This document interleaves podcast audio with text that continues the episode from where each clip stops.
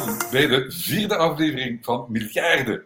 Het programma waar we de financieel-economische actualiteit overlopen in 10 minuten. En welkom opnieuw Bart Goemaren. Dank u Paul en uh, welkom uh, beste luisteraars.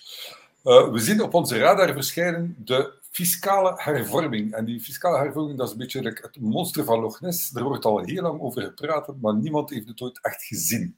Of komt het er nu echt van? Ja, Paul, ik vrees dat het er vroeg of laat toch van zal komen. En het gaat inderdaad over miljarden. Hè? Miljarden, daarover gaat het. De regering heeft dringend geld nodig. Hè? Men weigert te besparen. Ja, het geld vliegt langs alle kanten de deur uit en dat moet natuurlijk gefinancierd worden. Minister Van Petegem van CD&V van Financiën ja, die is uh, bezig met een kleine versie, een mini-versie van een fiscale hervorming. En alle drukkingsgroepen, zoals dat hoort in België, ja, kregen plotseling koud watervrees, want iedereen ziet dat men zal moeten bijdragen en de rekening voor een stuk zal mee moeten gaan betalen. En alle partijen beginnen voorzichtig te worden. De linkse partijen die krijgen ja, het koud, de koudwatervrees van het feit dat het BTW-tarief misschien van 6 naar 9 procent gaat gaan. Men argumenteert dat ook gepensioneerden hierin zullen moeten meebetalen. En de rechterzijde, ja, die gaat uh, ook zijn stekels op gaan zetten, omdat men begint te beseffen ja, dat ook daar uh, ja, uh, dat, dat men zal moeten bijdragen. Zelfstandigen zijn bang over mogelijke veranderingen over het aanvullend pensioen, waarover we het straks zullen hebben. En durfkapitalisten, ja, die beginnen ook voorzichtig te worden.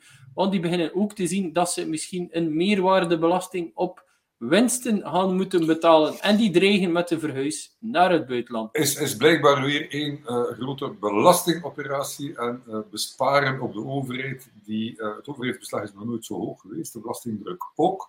maar dat staat blijkbaar niet in het register. Besparen in België is toch altijd een heel moeilijk iets. Ja, je hebt er linkerzijde die altijd belastingen wil verhogen, ja, en, maar van besparen komt natuurlijk weinig in huis.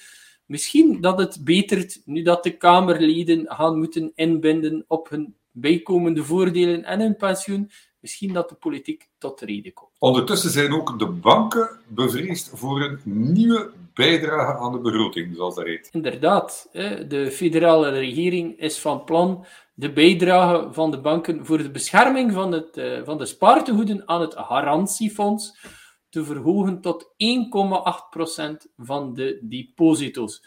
Dat is een van de grootste percentages in Europa. Ja, dus de Belgische banken die zouden in feite het meest moeten betalen en koploper zijn in betalingen aan de overheid. En dat is het juist. Dat geld zou rechtstreeks naar de begroting gaan en niet gespaced worden eh, of ten goede komen van het garantiefonds de Belgische regering, uh, of de regering, heeft nu al gezegd van ja, kijk, uh, vanaf 2026 zouden er compenserende maatregelen uh, genomen worden. Dat wil zeggen, als het garantiefonds aan die 1,8% zit, dat er bijkomend verdere betalingen gaan moeten zijn. En uiteindelijk, wie zal dat dan betalen, Paul? Wel, ja, dat bent u, de spaarder, ja, of ja, uh, degene die met de banken zaken doet. Dus uiteindelijk, de rekening komt vroeg of laat altijd bij ons als burger terecht. De rekening komt bij de burger, maar het grootste stuk van die rekening die komt altijd bij de private sector. Het zijn niet de ambtenaren die zich veel zorgen moeten maken. En dat blijkt nu ook zo te zijn met de opstoot van de 1 mei-koorts voor de groepsverzekeringen eigenlijk de, een van de grootste vormen van contractbreuk in de laatste decennia. En we zijn al het een en het ander gewend. Maar een van de grootste vormen van contractbreuk, denk ik, aller tijden. Men wil de belasting op groepsverzekering verdrievoudigen of zelfs meer. Ja, minister van Pensioenen Karine Lalieu van de PS, die heeft een plannetje opgesteld om de uitkering van groepsverzekeringen boven 679.000 euro te belasten tegen 33 in plaats van 10%. Dat is haar intentie, dat is er nog niet door. De vraag is natuurlijk of iedereen daarmee akkoord zal gaan. Vakbonden en werkgevers die hebben elkaar onlangs ja, in de ogen gekeken en zijn akkoord geweest dat er een fiscale standstill moet zijn als het gaat over de tweede pensioenpijler. En ik ben heel benieuwd in welke richting dat dit zal uh, evolueren, want uiteindelijk had dit toch altijd om het meer te belasten van spaartegoeden van ja, toekomstige pensioenhelden. Dus ja, het is uh, uh, zeker overduidelijk dat diegenen die in de toekomst wat meer zullen hebben, dat die meer gaan moeten bijdragen. Ondertussen een merkwaardig initiatief van Apple in de VS. Apple zou daar een spaarrekening aanbieden die 4,15% opbrengt. Inderdaad, Paul. En uh, dat is toch bijzonder. Als ik keek op spaarhits.be wat de tarieven voor het sparen zijn bij de verschillende banken, dan merk ik daar tarieven die starten met net geen 1%, die oplopen tot 2% voor de Spaanse bank Santander. De Belgische banken die zitten in de middenmoot, die bieden ongeveer tussen de 1,25 tot 1,4% Dus ja, laten we maar hopen dat Apple hier ook naar Europa komt en hier in uh, België spaardiensten uh, had gaat aanbieden. Want ja, 4,15% zelfs in de Verenigde Staten, dat is toch best veel als je ze vergelijkt met concurrenten zoals American Express en Goldman Sachs, die 3,75 tot 3,9% bieden voor de spaartegoeden. Ja, en als je dat dan misschien combineert met nog bijkomende voordelen zoals een goedkopere iPhone, dan is de beslissing bij sommigen snel gemaakt. Ja, ik vraag me wel af waar het naartoe gaat, want als privébedrijven beginnen bank spelen en diezelfde topbedrijven uit Silicon Valley ook gaan proberen, zoals Facebook in de tijd was er dat Facebook ging een digitale munt uitgeven.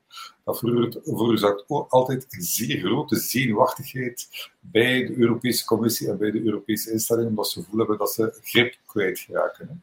Dus uh, heel benieuwd waar dit toe leidt. Verder is er nog nieuws van een ander Californisch topbedrijf, het is trouwens in Californië, denk ik. Tesla zit meer in Californië, die zitten nu, dacht ik, in Texas. Eén iets is zeker, er is een ware concurrentieslag aan de hang in de markt van de elektrische voertuigen. Tesla heeft al de zoveelste prijsverlaging aangekondigd. Jammer genoeg, nog niet in België. Een Tesla in België is gemiddeld 4000 euro duurder dan in het buitenland. Maar wat zien we? De cijfers van Tesla staan onder druk. Over het eerste kwartaal zakte de marge met bijna 8 procentpunten. Dus uh, Elon Musk is overduidelijk van plan ja, marktaandeel te kopen ten koste van zijn aandelenkoers. Beleggers in Tesla die zullen het niet graag horen. Hun aandeel dat gaat naar beneden. Persoonlijk, als ik ze had, ik verkocht mijn Tesla-aandelen. Fantastisch bedrijf, fantastische manager, maar in het aandeel moet je even niet zitten. Wie kan daarvan profiteren? Iemand die een nieuwe elektrische wagen wil kopen. Dus misschien binnen een aantal maanden komen die elektrische voertuigen van Tesla goedkoper op de Belgische markt. Wat dan weer goed is, want een elektrisch voertuig is gemiddeld toch een flink pak duurder dan een traditionele voertuig met brandstofmotor. Om af te sluiten, Bart, we hebben een illustratie gezien van het adagium Go Woke, Go Broke. Het meest het woke bedrijf van België, namelijk InBev Interbrew, is voor die woke positie afgestraft door de Amerikaanse consument, die er genoeg van had van de uh, promotie van de transgender ideologie en het bedrijf is in één klap 5 miljard beurswaarde verloren. Is dat een realiteit die steeds meer waarheid wordt? Go woke, go broke. Keren beleggers zich af van woke bedrijven? Wel, er zijn twee punten natuurlijk. Je hebt de tijdelijke of korte termijn afkeer als er natuurlijk organisaties of verenigingen beginnen tegen het woke in te gaan, waardoor dat ja, merken zoals, eh, wat is het, eh, ik dacht dat het Miller Light was, minder goed gaan verkopen. We gaan de eerste resultaten daarvan zien, of de gevolgen daarvan zien, in de kwartaalcijfers van AB InBev. Langs de andere kant, ja, AB InBev noteert gemiddeld toch ietsje goedkoper dan zijn concurrenten op de beurs. Ja. Als het management van AB InBev slim is, en dat zijn ze ongetwijfeld, dan sturen ze snel een marketingboodschap bij en mikken ze meer op het, uh, laten we maar zeggen, het middenste punt van de slinger, gaan ze minder voor de wookboodschap dat zal iedereen, voor iedereen ook uh, flink wat beterschap betekenen, want ik denk dat iedereen al die, dat gezeven rondwend ook zo beu is als koude pap. Hè. En het gaat hier toch om bierpol, maar als belegger zou ik zeggen, Maak van die zwakte gebruik om wat AB InBev aandelen te kopen. Wijze woorden van een topbelegger. Bart Goemare, hartelijk dank voor dit gesprek. Een fijn weekend.